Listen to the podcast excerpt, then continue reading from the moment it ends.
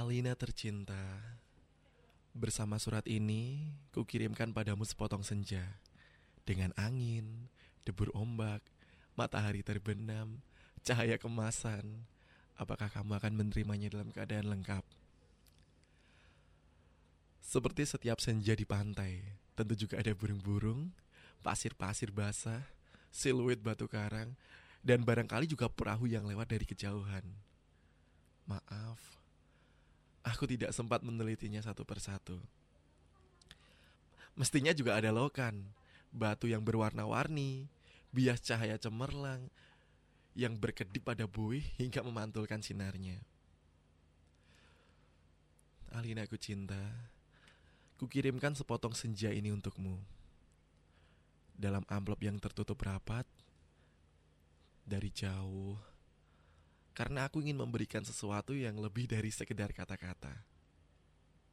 Sudah terlalu banyak kata-kata di dunia ini, Alina, dan kata-kata yang ternyata tidak mengubah apa-apa Aku tidak akan menambah kata-kata yang sudah tidak terhitung jumlahnya dalam sejarah. Untuk apa? Kata-kata tidak ada gunanya dan sia-sia. Lagi pula siapa yang masih sudi mendengarnya? Di dunia ini, semua orang sibuk berkata-kata tanpa peduli apa yang akan orang lain apa yang orang lain dengarkan. Bahkan mereka semua juga tidak peduli dengan kata-katanya sendiri.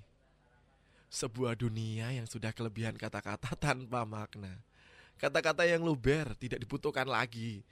Dan kata-kata itu cuma akan menjadi hiasan yang entah kita akan melihat atau tidak. Maka kukirimkan sepotong senja ini untukmu Alina. Bukan kata-kata cinta. Kukirimkan padamu sepotong senja yang lembut dengan langit kemerahan, yang nyata dan betul-betul dalam keadaan yang sangat lengkap. Alina yang manis, Alina yang sendu. Akan kuceritakan padamu bagaimana aku mendapatkan senja itu untukmu. Sore itu aku duduk di tepi pantai, memandang dunia yang terdiri dari waktu, memandang bagaimana ruang waktu itu bersekutu, menjelmakan alam itu di mataku. Di tepi pantai, di tepi bumi, semesta adalah sapuan warna keemasan, dan laut adalah cairan logam meski buih debur pada ombak selalu mengebas dan tetap saja putih seperti kapas.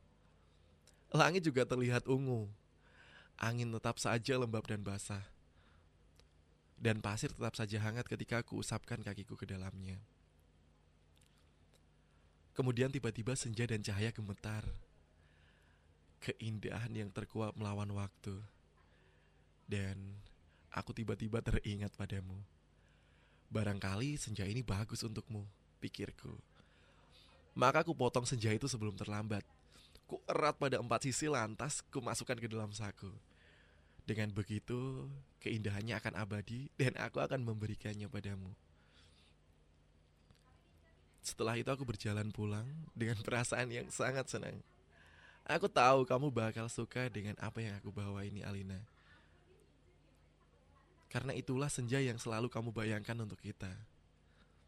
Aku tahu kamu ingin membayangkan hari libur yang panjang, perjalanan yang jauh, dan barangkali sepasang kursi malas pada sepotong senja di sebuah pantai di mana kita bercakap-cakap sembari memandangnya sambil berangan-angan dan bertanya-tanya, apakah semua ini benar-benar akan terjadi?